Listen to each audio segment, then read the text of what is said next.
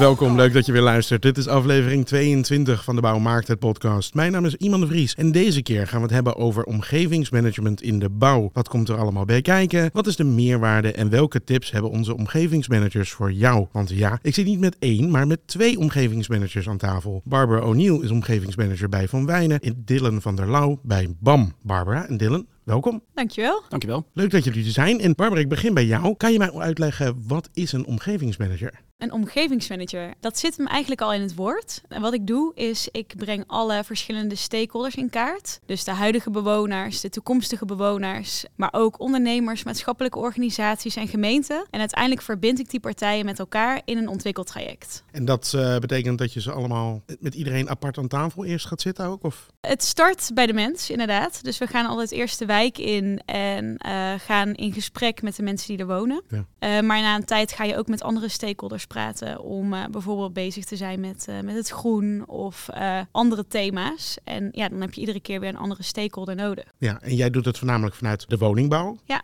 klopt. Dus ik zit ehm, in eigenlijk alle ontwikkeltrajecten van, van Wijnen West in Dordrecht. Ja, en Dylan, jij zit aan de infrakant. Dus is dit voor jou hetzelfde verhaal of zitten er toch nog wat andere Nou, ik denk, componenten dat, bij? ik denk dat het veel op elkaar lijkt, maar dat de verschillen ook wel groot zijn bij de infra. Bij infra is een omgevingsmanager meer degene die het project afstemt met de omgeving. En dan is de omgeving, wat Barbara ook al zei, ja, heel breed. Er kunnen mensen zijn, bewoners, bedrijven, eh, belangenorganisaties, natuurorganisaties, weggebruikers. Dus dan is dat denk ik iets anders dan bij woningbouw. Ook omdat infra natuurlijk eh, meer vaak lijnobjecten zijn. En bij woningbouw eh, nou ja, is, is het een specifiek gebied echt. Ja, als je een weg aanlegt of wat, dan, dan ga je natuurlijk dwars door heel veel omgeving heen inderdaad. Ja, dan ben je echt eh, te gast in de omgeving eigenlijk, ja. Ja, mooi. En hoe, even kort, want hoe kan je nou omgevingsmanager worden? Nou, er is niet echt een vooropleiding voor omgevingsmanagement. Althans, nog niet. Misschien dat die er ooit wel komt. Maar bij onze afdeling, bij BAM, zie je dat de meeste mensen eh, ook hele verschillende achtergronden hebben. Maar mensen hebben bijvoorbeeld rechten gestudeerd, communicatie, bestuurskunde. Eh, ik heb zelf geschiedenis en internationale betrekkingen gestudeerd. Dus ja, dan verwacht je ook niet zo snel bij een bouwbedrijf terecht te komen.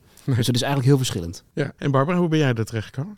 Bij mij is het dan weer heel anders. Ik ben eh, na mijn studie als eh, zelfstandig ondernemer begonnen, dus mijn eigen bedrijf. En toen heb ik vooral hotelconcepten uitgevoerd. En wat ik toen deed was altijd kijken naar de plek en de mensen. En uiteindelijk merkte ik dat die aanpak ook heel goed kon werken voor gebouwen en gebieden. En toen ben ik samen met een aantal creatievelingen ben ik de plekkenmakers gestart. En zo zijn we uiteindelijk concepten gaan bedenken voor gebouwen en gebieden. En altijd in co-creatie samen met mensen. En dat is dus uiteindelijk nu ook wat ik bij Van Wijnen doe. Dus we raakten met elkaar in gesprek en er kwam een mooie kans.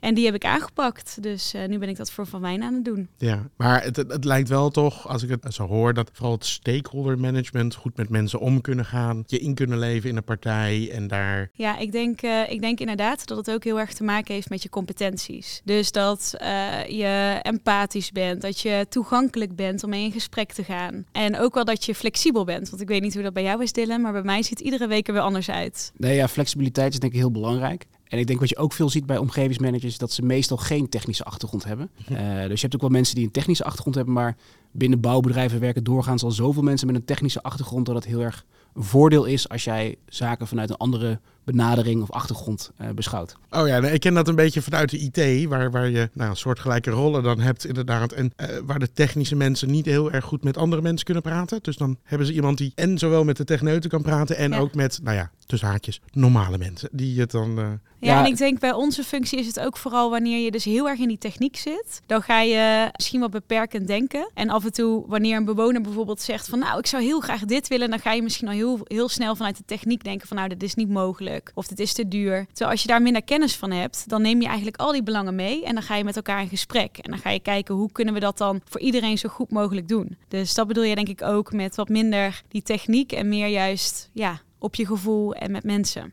Ook dat zeker. En ik denk dat ook wij als omgevingsmanagers proberen weg te blijven van het vakjargon. Al is dat wel lastig als je ook al een aantal jaar in de bouw actief bent. Maar ja, als het techneut mij iets uitlegt en ik snap het niet, dan snapt een stakeholder het ook niet. Dus ja, die brug ben je dan ook vaak als omgevingsmanager. Mooi. Eh, en ik kan wel wat dingen bedenken hoor, maar eh, wat is nou de meerwaarde van een omgevingsmanager bij een bouwproject? Wat, wat omgevingsmanagement echt toevoegt, het bestaat ja, nu ongeveer een jaar of twintig. Eh, zeker binnen de bouwbedrijven is het eigenlijk niet meer weg te denken bij, binnen de grote bouwbedrijven. Maar het voegt echt toe dat voorheen liepen projecten vaak vertraging op of was er heel veel gedoe met de omgeving. Of juist vanwege eh, dat er niet, geen goed omgevingsmanagement was. Dus dat er aan de voorkant niet goed was nagedacht van we willen eh, hier een snelweg aanleggen en wat vindt de omgeving daar eigenlijk van. Nou, eh, nog steeds is dat natu- natuurlijk een uitdaging, maar het, de meerwaarde van omgevingsmanagement is dat je juist in de omgeving actief de belangen ophaalt de standpunten van de mensen eh, meeneemt. En kijkt naar de waarden van die mensen, wat zij belangrijk vinden. En dan resulteert het uiteindelijk in een veel beter project eh, waar eh, veel meer draagvlak in de omgeving voor is. Ja. Ja. En begint dat dan ook al voordat het bouwproject begint? Ja, dus wij gaan altijd de wijk in nog voordat er een pen op papier is gezet. En dan ja, gaan we of met een wijkregisseur. Ik ga toevallig morgen met een wijkregisseur door de wijk heen. En eh, ja, je gaat praten met allemaal mensen die je daar tegenkomt. En uiteindelijk haal je daar de waarde op. En hoor je ook heel erg hoe mensen daar leven en wat ze belangrijk vinden. Maar ook waar ze misschien tegenaan lopen en wat minder goed gaat. En eh,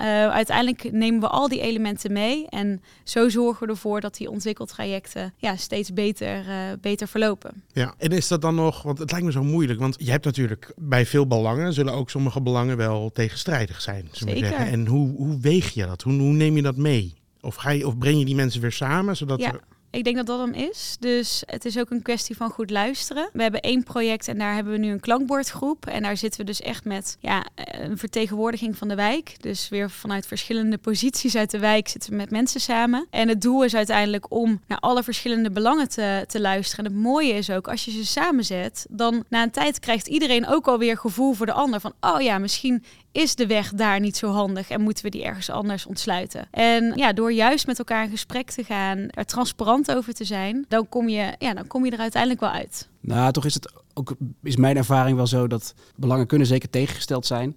En het lukt ook niet om iedereen te overtuigen, zolang je ze maar bij elkaar zet. Eh, dus het is op een gegeven moment ook wel, denk ik, een keuze maken en uitleggen waarom je die keuze hebt gemaakt.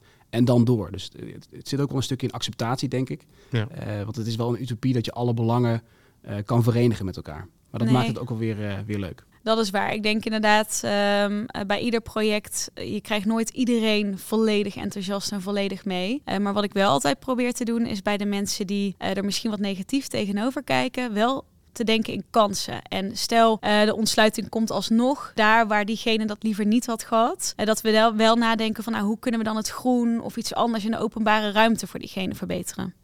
Dus andere je dingen Ja. meegeven. Maar heel even, want dan kunnen we het misschien concreter ook iets maken nog. Waar zijn jullie op dit moment mee bezig? Want ik weet, ik, jullie hebben hele andere projecten, laten we het zo zeggen. Nou, ik werk op dit moment aan de renovatie van de Afsluitdijk. Daar werk ik al zo'n 3,5 jaar aan. Het project is in eh, 2019 begonnen en eh, momenteel eh, volop in uitvoering. Ja. Ja. En jij, Barbara? Ik werk echt eh, ja, aan superveel verschillende projecten. Want ik zit dus in heel de, heel de Randstad voor, eh, voor Van Wijnen. Dus dat zijn tenders die, eh, veel tenders die nu spelen. Maar ook lopende projecten. Ik ben bijvoorbeeld in Schiedam bezig voor een project dat heet In de Buurtuin. En daar zijn we samen met de bewoners de buurtuinen aan het invullen. En ik ben weer voor een ander project in de gemeente Hoekse Waard bezig. En daar zijn we juist echt bezig met expedities organiseren. Dus dat zijn bij ons creatieve participatiebijeenkomsten. En ja, morgen ga ik juist weer een wijk in met een wijkregisseur. En een andere keer zit ik weer met de gemeente om de tafel om het over groen te hebben. Dus dat is eh, heel verschillend. Ja. Ja. En je had het net over, sommige mensen staan er negatief over. En misschien ben je nu aan het luisteren en denk je, nou, ik, ik ken er wel eentje bijvoorbeeld, zo, zo iemand. Hoe neem je nou iemand, zo iemand mee? Door uiteindelijk eh, diegene ook de aandacht te geven, te luisteren, eh, in gesprek te gaan, maar er ook echt serieus te nemen. Dus vaak zie je ook tijdens die bijeenkomsten of dat mensen zich even niet gehoord voelen of dat ze iets kwijt willen. Het is toch in je voortuin. Ja. En eh, we weten allemaal, in Nederland moet er gebouwd worden en we hebben een huizentekort. Maar zodra het straks in je voortuin gebeurt, dan in één keer vind je het, vind je het minder fijn. Maar juist door met elkaar in gesprek te gaan en het persoonlijk te houden, dan ja, komt het. Ik heb het eigenlijk tot nu toe altijd nog wel goed zien gaan. Ja, Ja, het gaat ook heel erg over het eh, voorspelbaar zijn en het voorkomen van verrassingen bij stakeholders. Dus bij, bij zo'n afsluitdijk bijvoorbeeld waar ik aan werk, daar heb je heel veel belanghebbenden die op allerlei manieren gebruik maken van die afsluitdijk of een belang hebben bij de afsluitdijk. En we hebben ook een e- enorme ontwerpopgave. Dus ja, je wil ook niet dat mensen straks als het project af is zien wat jij gebouwd hebt en dat ze daar totaal niet mee eens zijn. Dus het gaat ook over dat je ze vroegtijdig meeneemt in wat je gaat bouwen. Ja. En wat je van plan bent om te gaan bouwen. En ook nou, kijken of je gebruik kan maken van hun ideeën. Eh, want ja, ze waarderen ook altijd wel betrokkenheid. Maar dat is helemaal waar, want uiteindelijk zijn we bezig met het thuis te creëren voor mensen. En dat is niet alleen nu, maar ook voor in de toekomst. Dus dat is heel mooi. We zijn eigenlijk met allemaal kleine projecten bezig die vaak weer onderdeel zijn van een grotere buurt of eh, een grotere wijk. En door juist iedereen mee te nemen, maak je het ook echt toekomstbestendig. Want wij gaan er uiteindelijk niet wonen. Wij werken er, al- eh, wij, ja, wij bouwen er alleen. En zij moeten er ook echt jaren plezier van gaan, eh, gaan beleven. Ja, en ik kan me ook voorstellen dat als je dan eh, over een paar jaar weer terugkomt voor een ander bouwproject, dat je niet wil dat iedereen denkt, oh, daar is, daar is dat bedrijf weer. Ja, Nee. daar- nee. Ze moeten trots zijn. Ja, precies. precies. Nee, ja, en precies. wij ook. Ja. Nee, het gaat ook over de reputatie van je bedrijf, maar het gaat ook, ook heel erg over de reputatie en het imago van je opdrachtgever. Dus ja, bij ons is het ook zo dat je omgevingsmanagement echt samen met je opdrachtgever doet. Ja. Eh, want je vroeg net ook van eh, omgevingsmanagement begint volgens mij ook al voor eh, dat een bouwproject start.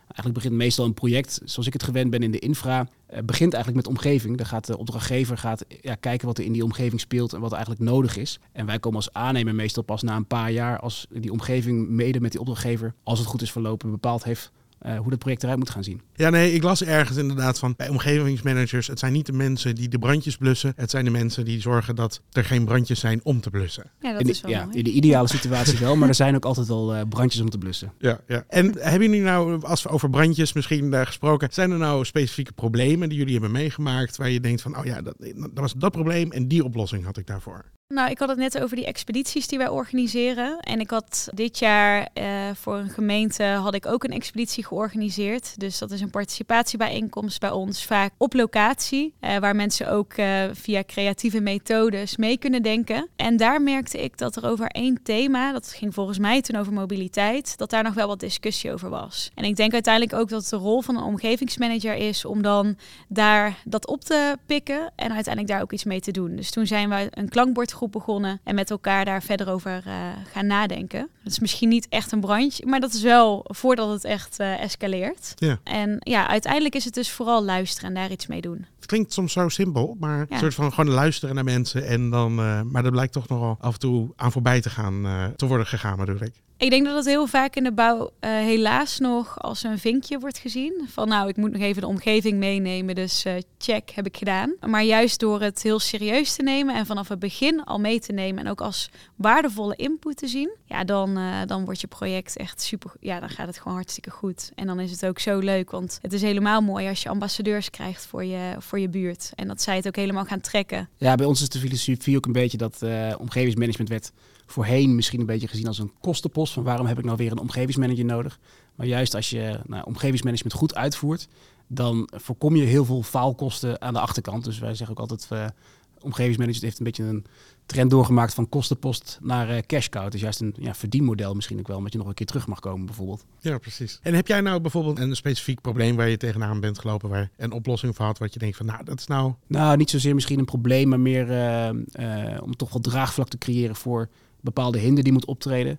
Bij een vorig project van mij moesten wij bijvoorbeeld een, eh, een kruising vernieuwen. En je kan eh, nog altijd geen kruising vernieuwen eh, terwijl er nog steeds volledig auto's overheen rijden. Dus de keuze was een beetje van ja, ga je het of twee weken volledig afsluiten en dan in één keer goed? Of ga je het in drie maanden met halve rijbaanafzettingen ja, en ook onveilige situaties doen? Dus dat dilemma hebben we toen ook voorgelegd aan de omgeving. Er zaten heel veel kleine ondernemers in ook zo'n klankbordgroep. Hm. En toen hebben we eigenlijk samen met die ondernemers en die, en die, en die stakeholders bepaald van nou, we gaan voor in één keer goed. In een eh, periode dat er toch weinig klanditie is. En op die manier eh, was er veel meer draagvlak eh, voor die eh, twee weken hinder die er was. Dat is wel mooi. Is er nou ook een moment waarvan je denkt, oké, in, je, in je baan als omgevingsmanager, er is één moment waar ik vraag van, waar ben je nou echt trots op? Wat was nou een moment waar jij echt het verschil hebt gemaakt? Ik zit nou een jaar bij Van Wijnen en ik denk waar ik wel heel trots op ben, is dat ik één traject met uh, gemeente Hoekswaard toevallig ook uh, heb doorlopen. En zij gebruiken dat nu echt als voorbeeldproject. Dus daar, ja, daar ben je dan wel trots op als een gemeente dat tegen je zegt. Ja. En verder, ja, daar kan ik dan niet te veel over zeggen, maar ik ben ook iedere keer weer trots op de tenders die we doen. Ik heb afgelopen vrijdag een eindpresentatie gegeven. Ja, dat is gewoon ontzettend kick als je dat met een team uh, in uh, zeven maanden tijd ja, tot iets heel sterks weet te brengen. Ja. Dus, uh, ja, mooi. Ja. Ja, bij mij is het misschien niet specifiek zo één moment, maar ik ben in het algemeen wel heel trots op dat ik uh, omgevingsmanager mag zijn bij het project Afsluitdijk. Dat is het voordeel van uh, de afsluitdijk is dat je op uh, feest en partijen nooit hoeft uit te leggen waar dat nou ligt. Nee. Uh, dus dat ik aan dat project mag werken met zoveel mensen, dat, dat maakt me heel erg trots. Ja. ja, ik was er een tijdje terug en dat, toen mocht ik er even overheen lopen, inderdaad, achter de schermen. En het is toch wel heel speciaal. Als je daar dan loopt, dan denk je, ja, je mag, je mag je normaal ook niet lopen. En het is zo immens en van die, van die blokken die allemaal gecodeerd zijn, dat iedereen weet waar alles ligt. En ik vond het wel heel tof om daar te zijn. Dus ik kan me voorstellen dat je zegt, nou, ik werk aan Afsluitdijk. Dat is wel cool. Ja, die trots eh, en die eh, verbazing die heb ik nog steeds elke keer als ik er ben. Ja, ehm, en we sluiten altijd ook wel graag af met tips. Tenminste, eh, dat mensen die denken: hey, ik heb nog geen omgevingsmanager, maar ik zit wel in de bouw of in de infra. Wat, zijn dan, wat is nou een tip die meteen bij, bij je opkomt? Nou, de tip die gaf ik volgens mij ook al eerder deze podcast. Eh, ga dus de wijk in, nog voordat er een pen op papier is gezet. Dan haal je echt op wat er leeft en speelt. En eh, daar kun je heel het ontwikkeltraject uh, je programma aan toetsen. En verder een tip is luisteren naar de mensen. Probeer ook individueel de aandacht te geven. Dus niet een zaaltje waar je gaat zenden, maar juist veel meer een inloop waar mensen uh, één op één met, uh, met diegene die ze willen spreken in contact kunnen komen. En hoe ziet dat er dan uit? Want ik snap zo'n zaaltje, eh, heb ik zelf ook wel eens volgens mij ingezeten, als ik me goed kan herinneren. dat eh, word ik inderdaad een beetje verdrietig van. Ja. En ook omdat er alleen maar iets tegen je wordt verteld en je niet het gevoel hebt dat je er nog iets over hebt te zeggen, omdat alles vastlegt. Maar nee. hoe moet ik zo'n avond, want is het dan, ja, je komt gewoon binnen, je krijgt er een kopje koffie en je kan gewoon vragen stellen, is dat het? Nou, wij uh, doen het vaak op locatie. Ja. En dan hebben we verschillende uh, tenten met uh, foamborden en ezels. En uh, we proberen altijd de architect, dat de architect aanwezig is, de stedenbouwer, de ontwikkelaar, het liefst de, ja, natuurlijk de gemeente. Misschien nodigen we de wethouder ook nog uit. En het idee is dat mensen dus in en uit kunnen lopen. Dus ze kunnen naar binnen lopen en denken nou, ik wil iets weten over groen. En daar staat dan iemand van de gemeente. En daar kunnen ze dus persoonlijk mee in gesprek. En daarnaast proberen we ook altijd naast de informatieve panelen en dat je met mensen kan praten. Ook nog dat ze, dat ze ook echt mee kunnen denken. Dus mee kunnen denken over bijvoorbeeld de afwerking van de gebouwen. Of mee kunnen denken over andere thema's. En dat ze ook echt het gevoel hebben van we doen het samen. En het is niet alleen maar zenden. Ja. Ja, ik denk dat minder zenden en meer luisteren gewoon eigenlijk de algemene tip is. Ja. Vaak uh, zo'n zo zaaltje kan ik me ook wel iets bij voorstellen. Wat wij ook meestal doen is dat je inderdaad meer een soort informatiemarkt hebt. Dus dat je op verschillende plekken met mensen in gesprek kan. Dat je verschillende dingen in 3D of op tekeningen kan laten zien. En dat ze daar vragen over kunnen stellen. En ja, je ervaart wel eens dat mensen bijvoorbeeld nou, aanvankelijk uh, sceptisch hebben of uh, tegen iets zijn. Maar als je dan gaat doorvragen en, en echt luistert waar, ze dan, waar hun belangen dan liggen, Ja. dan kom je erachter dat, je, dat eigenlijk als je met wat kleine aanpassingen rekening houdt met hun belangen en met hun waarden, dat hun standpunt ook wel weer kan veranderen. Ja. Ja, en probeer dan ook met elkaar te denken in kansen. Dus wanneer iemand inderdaad binnenkomt en misschien wel boos of uh, ja, die heeft er niet helemaal zin in, dat je met elkaar gaat nadenken van nou, hoe kunnen we het dan voor jou beter krijgen? En misschien die mensen dan ook niet zien als een probleem. Dat is misschien ook Nee. wel, maar gewoon als iemand met, nou ja, gewoon een oprecht eh, eh, iets wat, wat hem tegen zit, zullen we maar zeggen. Dus eh, tenminste, ik kan me voorstellen dat je daar bent als bouwer en je hebt dit nog nooit gedaan en er komen mensen langs en die denken, ja, ik wil dit niet. En dat je denkt, nou, weet je, ik wil wel met je praten, maar ik ben je alleen maar aan het overtuigen van waarom het wel goed is, dan dat je ze meeneemt en dat ze ook nog de vrijheid hebben om nog wat te zeggen. Ja, en daarvoor is het denk ik wel belangrijk dat je transparant ook bent over de kaders die er zijn. Dus stel iemand komt binnen en die is, eh, ja, die is er niet helemaal blij mee, maar die heeft nog het gevoel dat, eh, dat het ook oké is als er maar één boerderij komt te staan. Ja. Ja, dan is het wel heel erg belangrijk dat je met elkaar eerst communiceert van wat zijn nou de kaders over dit gebied en wat ligt er al vast. Ja, dat is wel een goede, denk ik inderdaad. Want wij komen als aannemer meestal pas als een schop de grond in gaat. En wat je wel vaak meemaakt is dat nou, de stakeholders die graag bij dat soort inloopavonden komen, ook wel de usual suspects zijn. Dus mensen met veel vrije tijd en uh, bijvoorbeeld met, uh, met pensioen. En als er dan een schop de grond in gaat, dan worden mensen vaak pas wakker. Dus ik heb ook wel eens meegemaakt dat ik een project had en dat er een turborotonde moest worden aangelegd. Dus de, en die mensen woonden al aan een rotonde en die rotonde werd dan twee keer zo groot. En toen gingen wij daar bijna bouwen en toen waren die mensen ja, echt verbouwereerd over dat daar een turborotonde kwam. Terwijl ja, dat was al lang in de bestemmingsplanwijziging vastgelegd. Dus ja, dat is ja, heel belangrijk om dan die kaders aan te geven. Om ook, we konden niet meer veranderen dat daar een turborotonde kwam bijvoorbeeld. Maar je kon wel bijvoorbeeld uh, met die mensen in gesprek. En uiteindelijk konden we met wat vrijkomende grond een kleine geluidswal voor ze realiseren. Waar ze dan heel blij mee waren. Ja. En wat, eh, dat, dat, wat, wat we nu allemaal qua tips hebben, dat zit volgens mij veel in het, in het voortraject. Mm -hmm. uh, zijn er dan ook nog specifiekere dingen die je in, nou ja, tijdens het bouwen zelf en misschien daarna nog meeneemt? Wat wij proberen te doen is, uh, als we aan het bouwen zijn, dat we dus die expedities organiseren. Dan gaan we ook vaak de openbare ruimte met de mensen oppakken. En wat we ook proberen is een jaar na oplevering actief te blijven in de wijk. Ook om de sociale cohesie op gang te, te brengen. Want uiteindelijk krijg je toch dat er nieuwe bewoners gaan wonen. En hoe breng je nou uiteindelijk die huidige bewoners en die nieuwe bewoners met elkaar in contact? Dus dat hoort ook bij werk als omgevingsmanager. Van nou, hoe zorg je daarvoor dat, dat, uh, ja, dat mensen daar fijn wonen? Wat wij ook doen is uh, het meten van tevredenheid van stakeholders. Dus mensen kunnen zich dat aanmelden voor een panel en we sturen dan uh, een aantal keer per jaar een tevredenheidsmeting. En dan kunnen mensen ook tips of verbeterpunten geven. En die proberen we dan ook, ja, indien dat kan, uh, mee te nemen. Ja, dat doen wij ook. Wij zijn ook bezig met impactprojectie. En nog als laatste, gewoon heel even, wat ik even, heel, ik weet bijvoorbeeld bij Rijkswaterstaat, bij de, bij de afsluitdijk, was een, uh, een rondvaartboot volgens mij ook ja. nog. Is dat ook dan vanuit omgevingsmanagement? Ja, dat hebben we ook vanuit, uh, vanuit uh, het project georganiseerd. Was ook wel leuk. Langs de afsluitdijk zijn ook allerlei vissers. Die konden daar een hele tijd niet vissen vanwege de werkzaamheden. Maar we hebben dan wel weer bijvoorbeeld bij, de, bij twee vissers hebben we uh, offerte uitgevraagd om rondvaarten te organiseren. Dus dan sla je eigenlijk twee vliegen in één klap. Hebben die vissers uh, leuk werk aan. En de mensen kunnen op die manier toch de werkzaamheden vanaf het water bekijken. Ja, tof. En uh, heb je nog meer van dat soort out of the box? Want ik vind dat heel leuk dat er gewoon, hey, we gaan hier iets bouwen. En als soort van, nou ja, bijna cadeautje zou je kunnen zeggen, komt er dan een rondvaartboot. Ja, want we, bij de Afsluitdijk is wel de uitdaging dat het is, het is en een snelweg en een uh, hoogwaterkering die uh, dun is. Dus het is echt bouwen op een schoenveter. Ja. Dus we proberen wel mensen mee te nemen in wat er allemaal speelt. Maar je kan niet uh, 10.000 mensen elke keer maar op je bouwplaats toelaten. Dat is ook alweer de uitdaging. Ja. dus wat we wel doen is webcambeelden beschikbaar stellen. We maken heel veel mooi beeldmateriaal. Droomfilms, elk kwartaal luchtfoto's, dat soort zaken. Om toch mensen mee te nemen wat er allemaal voor indrukwekkende zaken gebeuren. Ja, tof. Heb jij nog zo'n nou, ik zit te denken wat jij ook vertelt over drone-video's uh, uh, en zo. Ik merk dat is ook wel bij omgevingsmanagement. De ene kant is het participeren en de het andere daartegenover is ook wel informeren. Dus je probeert uh, mensen ook mee te nemen door bijvoorbeeld een podcast of door een vlog. En daardoor spreek je ook weer een hele andere doelgroep aan. Oké, nou dank jullie wel. Ik wou nog één vraag dan als afsluiter. er zit nu een, een bouwbedrijf bijvoorbeeld te luisteren, heeft nog niks met omgevingsmanagement gedaan. wat zou je tegen die persoon zeggen? Wat, waarom moet hij toch wel een omgevingsmanager in dienst nemen? Nou, zie het niet als vinkje, maar echt als kans voor je ontwikkeling. Ja, het is geen kostenpas, maar het is gewoon een, een cash cow. Oké, okay, nou dank jullie wel. Heel fijn.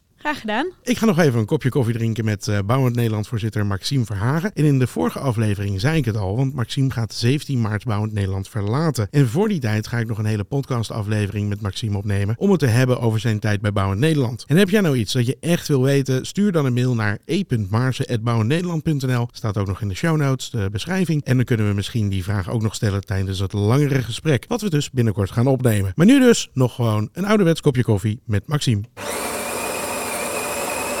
Koffie met Maxime Verhagen. Maxime, daar zitten we weer. En dit is je laatste kwartaal nou ja, bij Bouwend Nederland. En hoe ervaar je dat? En zijn er nog dingen die je nou ja, wil bereiken? Ja, uh, nou, dat is toch wel, wel een gek gevoel om, om na tien jaar uh, toch aan, aan je laatste weken bezig te zijn. En, en iedere keer kom je weer ergens toch bij, bij een bijeenkomst wat weer je laatste uh, bijeenkomst is. Hè. Precies, ik, allemaal laatste. allemaal ja. laatste. Ik had de afgelopen vrijdag had ik de, de, de laatste SER-vergadering waar ik namens de werkgevers een bijdrage kon en mocht leveren. Ik heb vanmiddag het, het, uh, het laatste bouwberaad, uh, dus met het ministerie van, uh, van Binnenlandse Zaken, ministerie van Infrastructuur en een aantal partners uit de bouwsector. Ik, ik, heb uiteraard nog wel, wel wat besprekingen met de, de, de, verschillende ministers. Maar dit, was, dit is weer het laatste bouwberaad. Dus je krijgt zo'n beetje. Ja, je wordt iedere keer weer geconfronteerd met het feit dat het bijna, bijna uh, het einde aan het voorzitterschap komt. Ja. Het is een apart gevoel. Tegelijkertijd is er nog ongelooflijk veel te doen. We, we, we hadden uh, natuurlijk uh, in 22 een, een, een mooie bouwproductie. Maar tegelijkertijd, uh, ook als je naar de voorspellingen kijkt van het EIB, dan uh, dreigt de, de woningbouwproductie toch in 23 en in 24 toch fors terug te vallen. Ja. Nou, we hebben nog steeds te maken met te weinig locaties, met de stikstofproblematiek, met stijgende bouwprijzen, de, de vraag of de business case nog rondkomt. Dus er zijn nog wel de nodige zaken te doen, ook op het punt van infrastructuur. Wordt nu toch toch dat, dat, dat eindelijk die, die beloftes op het punt van het aanpakken van, van van de, de piekbelasters eh, dat dat gerealiseerd gaat worden, zodat er ruimte komt voor infra. Dat duurt dan toch nog een tijd. En dat betekent dat eh, ik blijf lobbyen om bijvoorbeeld eh, onderhoud en renovatie meer naar voren te halen van de infrastructuur, zodat er toch voldoende werk blijft voor, voor de infrabedrijven. We zullen met betrekking tot, tot de tegenvallende of de terugvallende bouwproductie van, van woningbouw, zullen we toch moeten kijken naar snel te realiseren locaties hè, die als eerste ontwikkelen. Ja. Dus pak nou niet de moeilijke, maar nou, ik ga nog wel de discussie ook aan met, eh, met de minister om te kijken of we met betrekking tot eh, de bouw van, van woningen, of we toch niet een, een garantiefonds kunnen krijgen. Want je ziet dus nu pas dat een ontwikkelaar of een investeerder of een, een ontwikkelende bouwer, dat die pas gaat bouwen met dat 70% verkocht is. Nou, eh, als dat nu nog niet het geval is door allerlei onzekerheden, ja, dan wil je dat dan toch vlot trekken. Dan zul je als overheid zul je daar op moeten inspelen. Hè? Door bijvoorbeeld de garantie te geven dat je zorgt dat het afgenomen. Nou, er zijn er nog tal van dingen te doen. Ik heb nog, ik wil Woningborg wil ik afronden. Dat we daar een, een duurzame toekomst voor kunnen realiseren. Met een, eh, met een, ook met een andere eh, verzekeraar erbij te betrekken. Dus er zijn nog, eh, nee, ik heb mijn handen Ik, nog ik, meer dan vol. zeggen, ik vroeg één ding. Is er nog één ding? Maar er komt een hele lijst. Dat is Oh, nee, maar het is, nee, maar, en ik weet je wat het, het gekke is toch vorig jaar toen dat regeerakkoord kwam eh, met daarin hoge ambities op het punt van, eh, van woningbouw, Ho- eh, veel extra geld voor de zeggen, aanleg ja. van infrastructuur ook, hè? De, de, de ontsluiting van nieuwbouw, maar ook extra geld voor renovatie en onderhoud. Ehm, een fors pakket geld voor verduurzaming, fors pakket geld voor de aanpak van de stikstofproblematiek. Dus toen je dat, dat eh regeerakkoord zag, dacht ik van nou, ik kan met een gerust hart eh, het aan mijn opvolger overlaten. Die heeft eigenlijk in het begin niks meer te doen. Nou, en we zijn een jaar later eh, met, met een compleet andere situatie. Veel van de uitvoering van het regeerakkoord laat nog op zich wachten. We hebben te maken met stijgende prijzen door ook de oorlog in Oekraïne, stijgende energieprijzen met, met alle consequenties van dien. Bepaalde onzekerheden. Dus ja, eigenlijk denk je van ja, een jaar geleden dacht ik van eh, mijn, mijn opvolger komt in een gespreid bedje. En, en nu denk ik, nou, hij heeft zijn handen vol. En dat betekent ook dat ik tot en met 16 maart ook mijn handen vol blijf houden. Precies, precies. Nou, mooi om te. En we gaan er ook nog een keer ehm, eh, een langer gesprek over voeren. Dus dat vind ik heel erg leuk. Dan kunnen we het nog meer, wat uitgebreider hebben over jouw tijd bij Bouwend Nederland. Maar dat komt later. Maar eh voorals nu, bedankt. En eh, tot de volgende keer. Graag gedaan, tot de volgende keer. Ja, we zijn weer bij het einde van de aflevering. Vergeet niet op die volgknop te drukken op Spotify of op de abonneerknop op Apple Podcast om geen aflevering te missen. Bedankt voor het luisteren en tot over twee weken. De